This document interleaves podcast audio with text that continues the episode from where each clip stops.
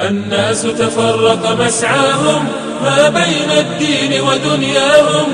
برز التاريخ بألوان لعقائد سارت ترعاهم. لعقائد سارت ترعاهم. خلل نحل شتى ظهرت وطريق الجنة بغياهم ورد الداعون مناهلها واختار الناس مشاردهم الناس تفرق مسعاهم ما بين الدين ودنياهم. برز التاريخ بألوان لعقائد سارت ترعاهم. لعقائد سارت ترعاهم.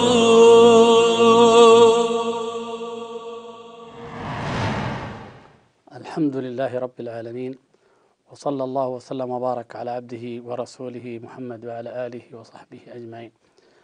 وبعد أيها الإخوة والأخوات في الحلقة الماضية والتي قبلها كان الكلام عن مقام النبوة وكان محصورا فيما يتعلق بالنظرة النبوية من خلال التكريم والاصطفاء الرباني للأنبياء ومن خلال النظرة الوثنية الجاهلية الفلسفية لهؤلاء البشر المختارين من الله تبارك وتعالى.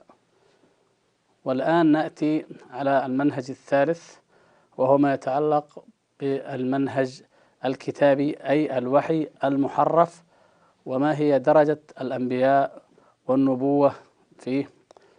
وفي الحقيقة أن هذا الموضوع يحتاج منا إلى أكثر من حلقة أو أكثر من وقفة لأهميته في تاريخ الفكر العالمي والصراع العالمي لأن كثيرا من النظرات المادية والأخطاء التي وقعت في في الحديث عن تاريخ الأنبياء وفي العقائد البشرية عن الأنبياء كانت نتيجة للجهل والتحريف الذي أصاب الكتب المنزلة والتي قام أو العمل الذي عمله الأحبار والرهبان وغيرهم ممن ينتسبون إلى هذه الكتب.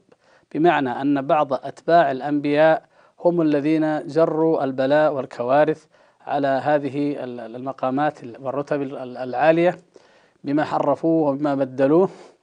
فهم نزلوا بدرجة الأنبياء إلى درجات الكهنة أو درجات رجال الدين من من السلك الكهنوتي أو غيره ليجعلوا الأنبياء يشبهونهم بدلا من أن يرتقوا بهم هم بأنفسهم أو يرتقوا بالأمة إلى درجات الأنبياء فكان ذلك التشويه سببا وباعثا أن يأتي المفكرون الماديون والعقلانيون وغيرهم فينفوا النبوة من أصلها. إذا أردنا أن نبتدئ من تاريخ النبوة الحقيقي فهو كما تقدم يبتدئ في الحقيقة من نبوة آدم عليه السلام. وقد تقدم الحديث في حلقات أولى عن المنزلة التي جعلتها الكتب المحرفة لآدم عليه السلام ومن ثم الجنس البشري فهي لم تثبت له من الكرامة والمنزلة ما يجعله الله تبارك وتعالى له. وذكرنا على سبيل المثال أن هناك كأن من يقرأ الكتاب المقدس يرى أن هناك تعمدا لتجهيل آدم عليه السلام وتجهيل الجنس البشري بحرمانه من الأكل من شجرة معرفة الخير والشر. تقدمت الإشارة إلى ذلك وآثر ذلك في التفكير اليوناني والفلسفي الغربي. كذلك مع أن الكتاب أو العهد القديم التكوين السفر الأول منه ذكر أن الله تبارك وتعالى علم آدم أسماء كل شيء إلا أنه لم تكن لم يورد ذلك كما ورد في القرآن بنفس المستوى من السمو والعلو ومن آه، اختبار أو امتحان الملائكة به الذي يظهر الكرامة والمنزلة التي جعلها الله تبارك وتعالى لآدم عليه السلام. على أي حال لو تجاوزنا هذا إلى الأب الثاني للبشرية هناك نجد أن الأمر قد اتخذ شكل المأساة.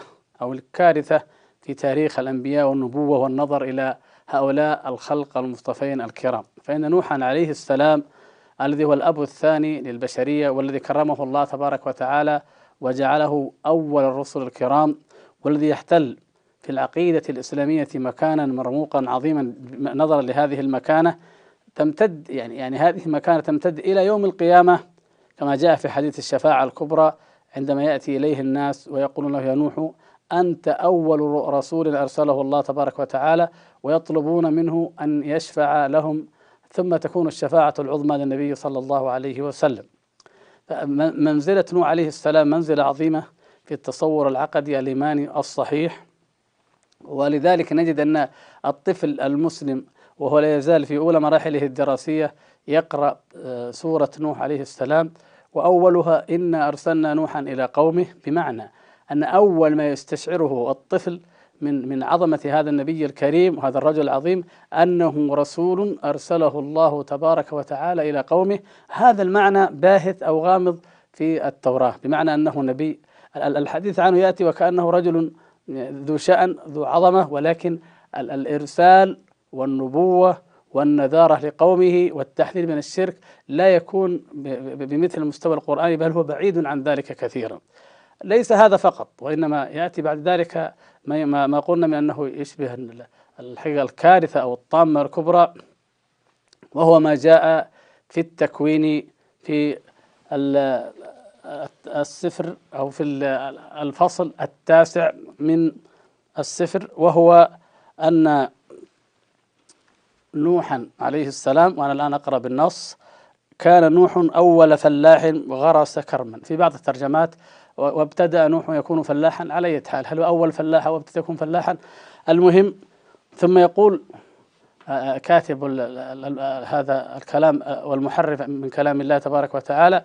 يقول وشرب نوح من الخمر فسكر وتعرى في خيمته فرأى حام أبو كنعان. أبو كنعان هذه يحتفظ بها إخوان ذكركم لماذا قال. فرأى حام هو ابن نوح أبو كنعان عورة أبيه فأخبر أخويه. وهما خارجا فأخذ سام ويافث ثوبا وألقياه على أكتافهما ومشيا إلى الوراء ليستر عورة أبيهما وكان وجهاهما إلى الخلف. فما رأيا عورة أبيهما؟ توجه هكذا إلى الخلف. فلما أفاق نوح من سكره كما يقول الكاتب الخبيث علم ما فعل به ابنه فقال ملعون كنعان. ملعون مين كنعان. كنعان ما موجود حتى الآن ما موجود واحد الثلاثة يعني هم الموجودين حام وسام ويافث ولكن اللعنة على كنعان. لماذا؟ نرى لماذا الآن؟ قال ملعون كنعان عبدا ذليلا يكون لإخوته. في بعض الترجمات عبد العبيد يكون أو عبد العبيد يكون لإخوته. وقال تبارك الرب إله سام ويكون كنعان عبدا لسام. إلى آخره. يعني, يعني هذا الخبر الذي حقيقة تقشعر منه الأبدان المؤمنين الذين يقدرون الله تبارك وتعالى حق قدره وأنبياء الله تبارك وتعالى حق قدرهم وتعزيرهم وتوقيرهم ويعظمون ما عظم الله ويعظمون شعائر الله.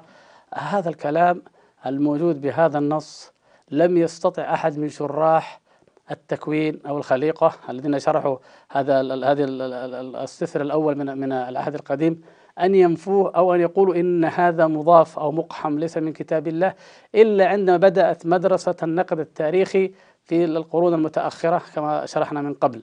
يعني المجمعون وإلى الآن لا يزالون يكتبون وبعضهم من من العرب الذين شرحوا سفر التكوين بعضهم من العرب وبعضهم من اليعاقبة بعضهم من النساطرة بعضهم من الكاثوليك إلى آخره. الكل يجمع على أن هذه القصة حقيقية وأنها وقعت ويجعلونها من مآثر الكتاب. يقولون أن الكتاب المقدس كما أنه يذكر ما يعطيه الله تعالى من الكرامات أو الخوارق أو المعجزات فإنه أيضا واقعي ينقل ما يفعله القديسون وما يفعله الصالحون بواقعية ولا ينفي ذلك عنهم. لكن هذا الكلام في الحقيقة إذا إذا تأملنا ونظرنا إليه بعين الإيمان وبعين البصيرة الإيمانية وما ذكره الله تبارك وتعالى في في من أخبارهم وفي كتبه التي لم تحرف ولم تبدل فإن نجزم قطعا أن هذا لا يمكن أن يصدر عن نبي من الأنبياء صلوات الله وسلامه عليهم أجمعين. فنحن يعني يعني لا يمكن أن نتخيل ذلك أو أنه ما بأن نصدقه. يعني بمعنى أن لا نتردد في أن ننفي وقوع ذلك. وإنما ننتقل إلى القضية الأخرى المهمة وهي اذا لماذا كتب؟ أو لماذا أضيف مثل هذا الكلام إلى نبي عظيم من أولي العزم؟ القضية هي كما أشرنا قبل قليل هي في كلمة كنعان أو في اسم كنعان.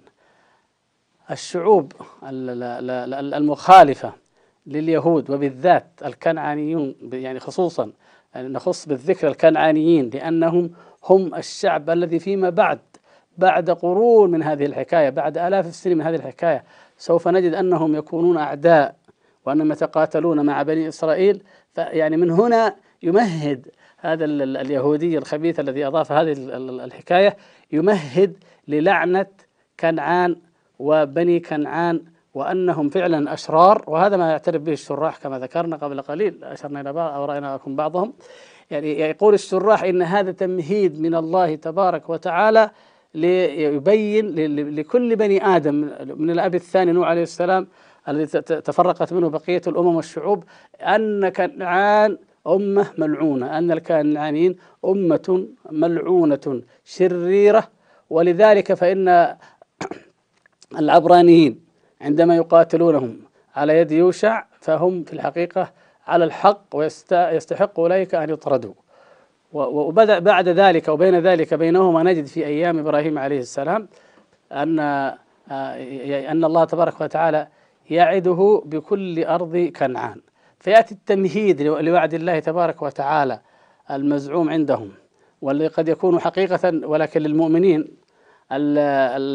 الوعد التمهيد لهذا الوعد لإبراهيم وكذلك التمهيد للانتصار أو الاستحقاق الكنعاني للإبادة التي سوف يؤمر بها يوشع كما سوف نرى شكل من أشكال يعني من أشكال الإبادة العجيبة الغريبة يأتي وك وكأنما هو بجناية الأب القديم الذي لم يكن كنعان يعني لم يكن كنعان قد ولد بعد ولكن لأن أباه رأى عورة أبيه الذي هو ابن نوح فرأى عورة أبيه نوح لأنه رآه ولأنه لم يستره بخلاف أخويك وما فعل. فلذلك يستحق أن الابن هذا الابن أن يلعن وأن يحمل اللعنة وأن تظل اللعنة حالة به إلى أن يأتي الأحفاد وإلى آخر الزمان.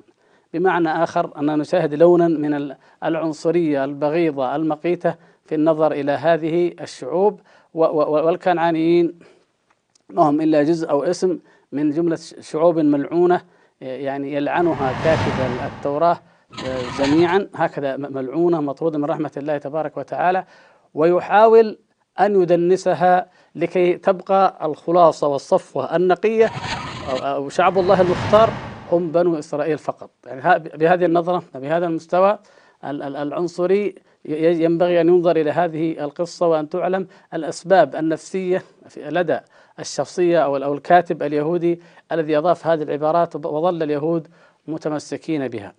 ولذلك آه، عندما ننتقل إلى إلى حادثة أخرى أو إلى قصة أخرى لا تقل عنها في في الشناعة بل هي أشنع منها حقيقة فإن نجد أن أيضا أن هناك غرضا من إيرادها ومن ذكرها. وهذه القصة وهذه الحادثة الأخرى هي الحادثة المنسوبة إلى لوط عليه السلام. وهي أيضا أبعد وأفحش من أن تليق بنبي من الأنبياء. آه، نأخذ العهد القديم ونقرأ ماذا قال عن آه، لوط آه، عليه السلام. وقبل ذلك يعني نشير إشارة إلى أن هذا السفر في الفصل العشرين منه وفي الفقرة الثانية عشرة ذكر قصة آه، ينبغي لنا أن نتذكرها ونأتي عليها إن شاء الله بالتفصيل عند الكلام عن إبراهيم عليه السلام وهي أن إبراهيم عليه السلام تزوج أخته. يعني القول أو الزعم بأن سارة زوجة الخليل عليه السلام كانت أخته غير الشقيقة. يعني وهذا يمرون عليه مرور الكرام لا يكاد الشراح يأتون عليه إلا بسطر وسطرين ولكن آه، الغرض أو كأنه يشبه أن يكون آه، أيضا توطئة للكلام عن قوم آه، لوط أو ما سوف يفعله لوط من بعد. هناك يعني علاقة بين علاقة واضحة وقوية ما بين لوط عليه السلام وإبراهيم عليه السلام. والله سبحانه وتعالى ذكر ذلك في القرآن دون أن أن أن ينص على آه، لوط ابن أخي إبراهيم لكن قال فآمن له لوط فذكر الله تبارك وتعالى أن لوطا عليه السلام معاصرا لإبراهيم كان معاصرا له وأنه آمن بدعوته وأنه هاجر معه.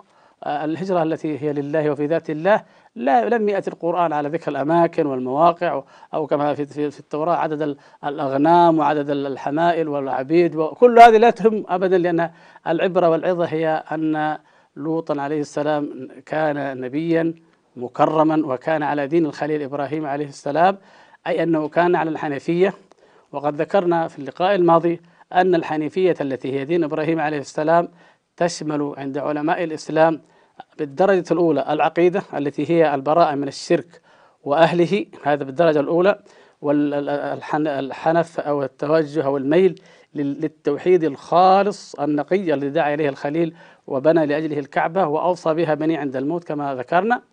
وأمر آخر يعني تشمله هذه الحنيفية السمحة وهي أن هناك محرمات حرمها الله تبارك وتعالى لا تليق بالأنبياء جميعا ونص عليها علماؤنا فقالوا من ذلك نكاح الأمهات أو الخالات أو القريبات. والأمر الثالث الذي ذكرناه وهو شعائر وسنن الفطرة التي ذكرها النبي صلى الله عليه وسلم وأنها من سنن أبينا إبراهيم عليه السلام ومن أشهرها ومن أعظمها الختان. إذا يعني يعني نجد أن هناك في العقيدة الإسلامية ما ينفي نفيا قاطعا هذا الكلام الذي ينسب إلى إبراهيم عليه السلام من جهة أن سارة كانت أختا له غير شقيقة. لكن يعني هذا كما قلنا يعني يأتي بشكل أصرح في موضوع لوط عليه السلام ونأتي إلى واقعة يعني يعني لولا أن المقتضى البحث العلمي أن نوردها وأن نقرأها لكان الإنسان يستحي أن يوردها أو أن يتحدث عنها أو أن ينشرها لكن لابد من ذلك لبيان ما فعله هؤلاء المحرفون الذين دنسوا الأنبياء توصلا إلى تدنيس الشعوب المخالفة لهم وإظهار العنصرية الحاقدة التي لا زالوا يمارسونها حتى اليوم باسم آه، محاربة آه، من يعادي السامية أو من يتكلم عن الساميين. بزعمهم. يقول هذا في الفصل التاسع عشر يقول التكوين يقول آه، صعد لوط من صوغر مكان وسكن في الجبل وابنتاه معه.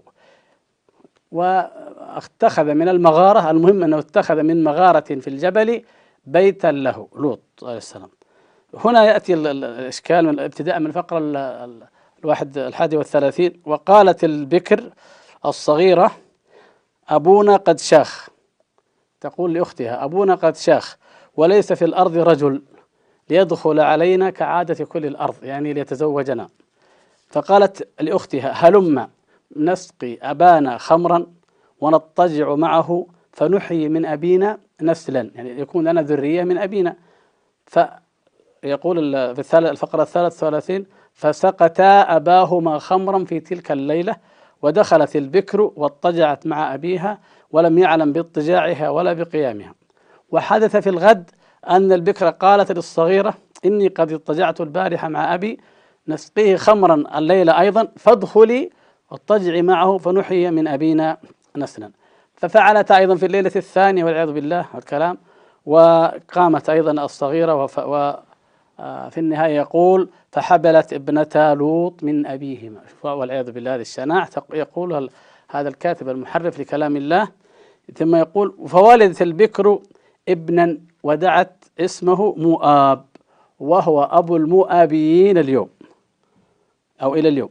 والصغيرة ولدت ابنا ودعته اسم ابن عمي وهو أبو بني عمون إلى اليوم. يعني هذا الحادث هذا هذا الإفك الشنيع المنسوب إلى نبي من أنبياء الله تبارك وتعالى وإلى وإلى ابنتيه. ماذا يقول عنه الشراح لنأخذ أحد الشراح أو أو أحد الكاتبين في ذلك كنموذج. وهذه الحوادث مع الأسف يعني أيضا تقرها دائرة المعارف الكتابية التي كتبها مجموعة من الكتاب منهم لبنانيون ومنهم مصريون وغيرهم. وتقر يقر أيضا قاموس الكتاب المقدس الذي أيضا كتب كل مادة وكل حرف من حروفه. باحث أو باحثان أو أكثر من هؤلاء مع الأسف العرب الذين يعيشون في البيئة الإسلامية النقية الطاهرة التي يترفع أفجر فجار فيها عن مثل هذه الأعمال ومع ذلك لا يكتمون هذه الحقائق. ولم يتجرؤوا أن يقولوا إن هذا كلام لا يليق وإنه لا ينبغي بالأنبياء ولكن شرحوه كما سوف نرى. آه، بهذا الشرح يقول هذا الشارح يقول إن المفسرين يعني شراح الكتب هذه يلتمسون العذر لابنتي لوط اللتين ربما ظنتا أن العالم كله قد هلك. كما وقع في حادث الطوفان. التأويل يقول يعني من أين جاء بهذا التأويل؟ من أين جاء بهذا التبرير؟ بدل أن ينفي الحكاية يقول هذا كذب هذا باطل هذا بهتان هذا لا يليق. فأخذ يتفلسف يقول ربما أن البنتين ظنتا أنه مثل ما حدث أيام الطوفان يعني العقوبة التي وقعت في قوم لوط فلم يبقى أحد يعني في العالم إلا آه، هما وأبوهما. فلذلك يعني آه، يقول عملت هذا العمل الشاذ رغبة في إحياء النسل لحفظ الجنس البشري وحفظ اسم أبيهما. يعني هذا هذا التأويل آه، من النوع الذي كما يقول علماؤنا يعني يكفي عرضه أو نقله أو, أو, أو تصوره في فساده لا يحتاج إلى أن يرد عليه. يقول هناك أيضا نوع آخر اتجاه آخر في تأويل وتبرير هذا وهو أنهما كانتا تتوقعان مجيء المسيا الذي يسحق رأس الحية ولهذا فعلت يعني هذا الشيء. المسيا هو يعني المسيح الذي يأتي في آخر الزمان المبشر به في آخر الزمان الذي يسحق رأس الحية الحية من فين جاءت؟ لعلنا نتذكر عندما تحدثنا في في لقاء سابق أنهم لم لم لم ينص الكتاب التوراة صراحة على أن الشيطان هو الذي أغوى آدم وإنما قال الحية. فالشراح أدخلوا الحية من أين؟ قالوا إنها إنه نطق من على لسان الحية أو تمثل بشكل الحية. لا لم ليس في النص شيء من هذا النص المحرف. فعندما تعاد توعد الله تبارك وتعالى وتعاهد وتهدد بإنزال العقوبة على الحية كما أنزل العقوبة على آدم بالطرد من الجنة هو وحواء فهددها بأن يرسل عليها أن يعني أن تكون العداوة بينه وبين الإنسان فهو يسحق رأسها وهي تسحق عقبه هكذا يقول فهنا جاء الذين جاءوا في آخر الزمان الذين ادعوا الربوبية والألوهية للمسيح عليه السلام فقالوا الحية هي الشيطان والذي يسحق رأسه هو المسيح وبماذا؟ بأن يصلب فداء عن البشرية فيكفر الخطيئة التي لحقتهم بفعل أبويهما آدم وحواء بأكلهم من الشجرة التي كانت بسبب الحية التي دخل فيها أو تبطنها إبليس. يعني لاحظ هذا يعني هذا التأويل البعيد جدا لكي تقرر الحقيقة يعني العقيدة الوثنية وهي التثليث المنقولة والخطيئة الأصلية والتثليث. معا منقولة من الكتب ومن الأمم الماضية وهذا نشرحه إن شاء الله في مكان عندما نتحدث بإذن الله تبارك وتعالى عن الابتداع في الدين النصراني والتحريف. ففي كل مرة يحاول الشراح هؤلاء إذا أعوزتهم الحيلة أن يراوغوا عن الاعتراف بالتحريف أو إنكاره بأن يأتوا في بنوع من الفلسفة التي تقول لا هذا هذا من أجل المسيح هذه قصة رمزية ترمز إلى كنيسة الله إلى المجد الذي يكون له في آخر الزمان إلى آخر ذلك. يعني يعني هنا وهذا إن شاء الله يأتي له شرح لكن هنا نوضح حقيقة وهي أن ما جاء في التوراة وفي في فيما بعد العهد القديم وكذلك العهد الجديد من أن الله تبارك وتعالى سوف يرسل رسولا ويختار المختار أو المصطفى الذي يأتي ويدمر كل الوثنيات في الأرض وكل الشرك ينقضي في والشر في الأرض ويظهره على الدين كله. أنها جميعا تنطبق بدون أي تحريف ولا تأويل على عبده ورسوله وخاتم الأنبياء محمد صلى الله عليه وسلم. بوضوح لكن المسيح عليه السلام كان معه عشرات من الأتباع. حتى أنهم ركبوا مرة في في في في قارب في بحيرة. يعني يعني عدد قليل الأتباع. وكانوا مضطهدين من اليهود وكانوا مضطهدين من الرومان. وحدث ما حدث أنه أراد أن يقبضوا عليه وأن يقتلوه فألقى الله الشبه على من أخذوا وصلبوه. وما وأما هو يعني عليه السلام ما قتلوه وما صلبوه ولكن شبه لهم. المراد أنه لم تتحقق هذه النبوات ولم يدمر ممالك الشر ولا الإمبراطوريات الوثنية ولم يقضي عليها عليه السلام. فيعني يقول يعني هذا تحريف مركب تحريف البشارات التي في النبي صلى الله عليه وسلم بأن تجعل للمسيح هذه من ناحية. من ناحية أخرى أن يظل يدخل في أي مكان يجدون فيه حادثة غريبة وقصة غريبة أن يحاولوا أن يفسروها أو أن يؤولوها بما يدل على عقيدة سوف تأتي فيما بعد بعد آلاف السنين وتأتي منقولة عن وثنيين عن عن مشركين لا علاقة لها بالكتب السماوية ولم ينزلها الله تبارك وتعالى في أي كتاب وهي عقيدة التثليث والخطيئة الأصلية والكفارة التي سوف إن شاء الله تبارك وتعالى نوضح ذلك عنها فيما بعد. يعني إذا كان هذا هو التبرير أن أنها يعني يعني يعني يقول لك ما دام أن ابنتي لوط عليه السلام تظن أن العالم كله هلك وفكر طيب طيب من أين يأتي المس المسيا أو المسيح الموعود؟ من أين يأتي؟ إذا لا بد أن يسقي أباهم الخمر ولا بد أن يضطجعا معه والعياذ بالله ولا بد أن يجيبا منه لكي تتحقق تلك التي لا, لا يعني نجزم جزما لا صلة لقوم لوط ولا بنتيه ولا الناس في عهده بهذه الحادثة.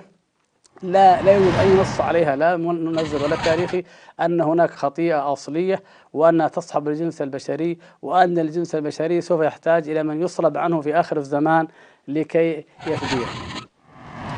ثم يعقب هذا الكاتب فيقول يعني إنه يعني الكتاب المقدس يذكر الوقائع التاريخية بكل صراحة ونزاهه كما وقعت ففي هذا دليل على أنه حقيقي وأنه كلام الله لأنه حتى ما يقال عن القديسين والصالحين مثل نوح ومثل لوط فإنه يعني ينقله دون أن يعني يداري فيه.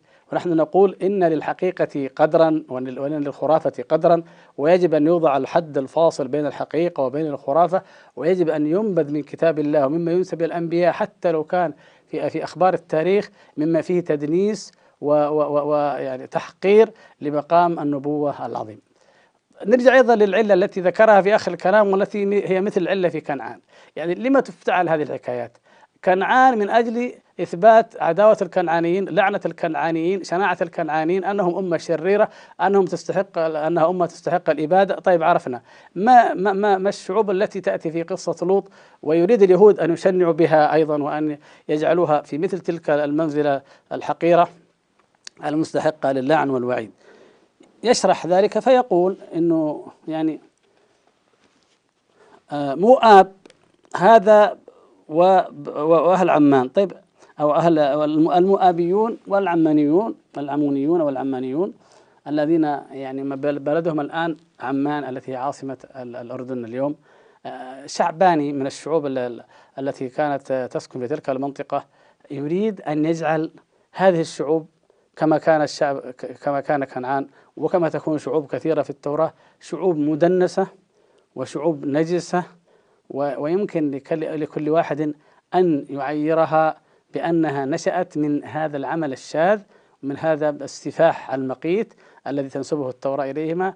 وبالتالي فهذا ما فعله لوط وابنتاه وهما وابن أخ إبراهيم عليه السلام طبعا في في حسب ما يقولون لا ننفي ذلك نثبته نعم نثبت أن له قرابة وصلة وهي صلة أعظم من كل القرابات وهو أنه كان مؤمنا وأن آمن آمن إبراهيم عليه السلام وهاجر آه، يعني في ذات الله تبارك وتعالى هاجر معه. المقصود أن يعني أن أن يقول يقال عند هؤلاء القوم إن هذه هذا العمل الذي عمله هؤلاء يخرج هذه الشعوب عن وعد الله تبارك وتعالى بالتكريم وأن يكون أمة عظيمة وأن يملكه الأرض الذي هو يختص بذرية إبراهيم بل بذرية إسحاق آه، بل بذرية يعقوب بل ببني إسرائيل خاصة الذين يدعي هؤلاء أنهم من نسله من الأسباط الاثنى عشر. فلذلك لا لا يدعون أي فرصة لتدنيس أو تشويه الأنبياء توصلا بذلك والى تدنيس الشعوب التي يريدون أن يحاربوها ويريدون أن يعادوها. يمضي التاريخ وتنتهي الأحداث وتنتهي تلك الشعوب من الأرض ويبقى أن التحريف الذي وقع في كلام الله تبارك وتعالى شنيع شنيع جدا وأن ما ينسب إلى الأنبياء فظيع وفظيع جدا عندما يدنس تاريخهم مثل هذا الشكل وبذلك يظهر لكل ذي عقل وبصيرة ميزة هذا القرآن العظيم وميزة النظرة الإسلامية والعقيدة الإسلامية الصافية النقية في تكريم الأنبياء صلوات الله وسلامه عليهم في تقديرهم في توقيرهم في تعظيمهم في نسبة يعني نسبة كل الفضائل والكمالات إليهم كمالات البشرية. ونفي النقائص والعيوب التي تخل بمقام الرسالة عنهم جميعا صلوات الله وسلامه عليهم. الواقع أن هناك يعني نوع من التدليس ممكن أن نأتي عليه إن شاء الله الحلقة القادمة ولكن ممكن نسميه الآن التدنيس أو التحقير لأنبياء بني إسرائيل بالذات بعد أن ملكوا بعد أن ورثوا وهو ما يتعلق بداود وسليمان عليهما السلام. لا تكفي يعني الوقت الآن لا يكفي أو لا تكفي هذه الحلقة لعرضه لكن نشير إلى أنه هذه التحريفات التي حدثت والتي نسبت إلى نوح وإبراهيم ولوط عليهم السلام هي أيضا مقدمة لما سوف يأتي من بعد بمعنى أن العقلية عقلية التدنيس والتنجيس التي يكتبها هؤلاء والتي لا نعلم في أي عصر كتبوها في قبل الجلاء بعد الجلاء في عصور الاضطهاد التي يعني حلت بهم إنما نعرف النفسية اليهودية الخبيثة التي كتبت مثل هذا الكلام عن الأنبياء صلوات الله وسلامه عليهم أنها لم لم يسلم منها لا داود ولا سليمان ولا أحد من الأنبياء الكرام صلوات الله وسلامه عليهم. ونعود فنكرر عندما نقول أن أن اليهود فعلوا ذلك فإننا لا نعني من آمن بالله تبارك وتعالى وآمن بموسى عليه السلام ثم آمن بعيسى عليه السلام ثم من آمن بمحمد صلى الله عليه وسلم فهؤلاء هم المؤمنون وهؤلاء جزء من الأمة الإسلامية العظيمة الممتدة في أعماق التاريخ وإنما نتكلم عن من حرفوا وعمن بدلوا كلام الله تبارك وتعالى وعمن صاغوا وكتبوا كتب الله وبدلوا في وحي الله تبارك وتعالى لكي يبينوا أو ينفثوا سمومهم وحقدهم على شعوب الأرض التي اضطهدتهم أو عذبتهم من الفرس والرومان ومن العرب وغيرهم. نحن لا نقر أي اضطهاد حدث لا لليهود ولا لغيرهم ولا لأي أمة من الأمم. نحن أمة تنكر الظلم ولكن لا يجوز بأي حال من الأحوال أن نجعل من وقوع الظلم أو وقوع التعذيب النفسي والمعنوي على أي أمة من الأمم مبررا ودافعا لأن يعتدى على مقام الألوهية أو على مقام الربوبية فيأتي هؤلاء ومقام النبوة فيأتي هؤلاء فيصفون الله تبارك وتعالى بما لا يليق من الحزن أو الندم أو البداء يعني أن أن يعلم بعد أن يجهل تعالى الله عما يقولون علوا كبيرا. أو أن يصفوا أنبياء الله تبارك وتعالى مثل هذه الشنائع والقبائح آه، من شرب الخمر من فعل الفواحش من لعنة من لا يستحق من مؤاخذة الأحفاد بظلم الأجداد. أمور كلها في الحقيقة لا تتفق أبدا مع مقام النبوة وإنما تتفق مع نفسية الشعوبي الحاقد الذي يريد أن ينفذ حقده ويفجر كبته وإحباطه ويأسه من طوال هذا التاريخ الاضطهادي الطويل في الشتات فيصب جام غضبه على يعني هذه المجموعة لكي يظهر أنه مهما نالهم من اضطهاد مهما نالهم آه، أيضا من قوة هم من قوة أو تمكن فإنهم شعوب نجسة مدنسة ملعونة من عهد نوح وهم من ذرية أيضا آه، هذا الفعل القبيح الشاذ الذي ينسبونه إلى ابنتي لوط آه، نسأل الله سبحانه وتعالى أن يصلح حال الإنسانية جميعا وأن يردنا جميعا إلى الحق والهدى وأن يكتب لهذه العقيدة الإيمانية الصحيحة التي جاءت في الكتاب والسنة ما وعد به من النصر والظهور والغلبة لكي تحرر العقل البشري من الخرافة ومن التحريف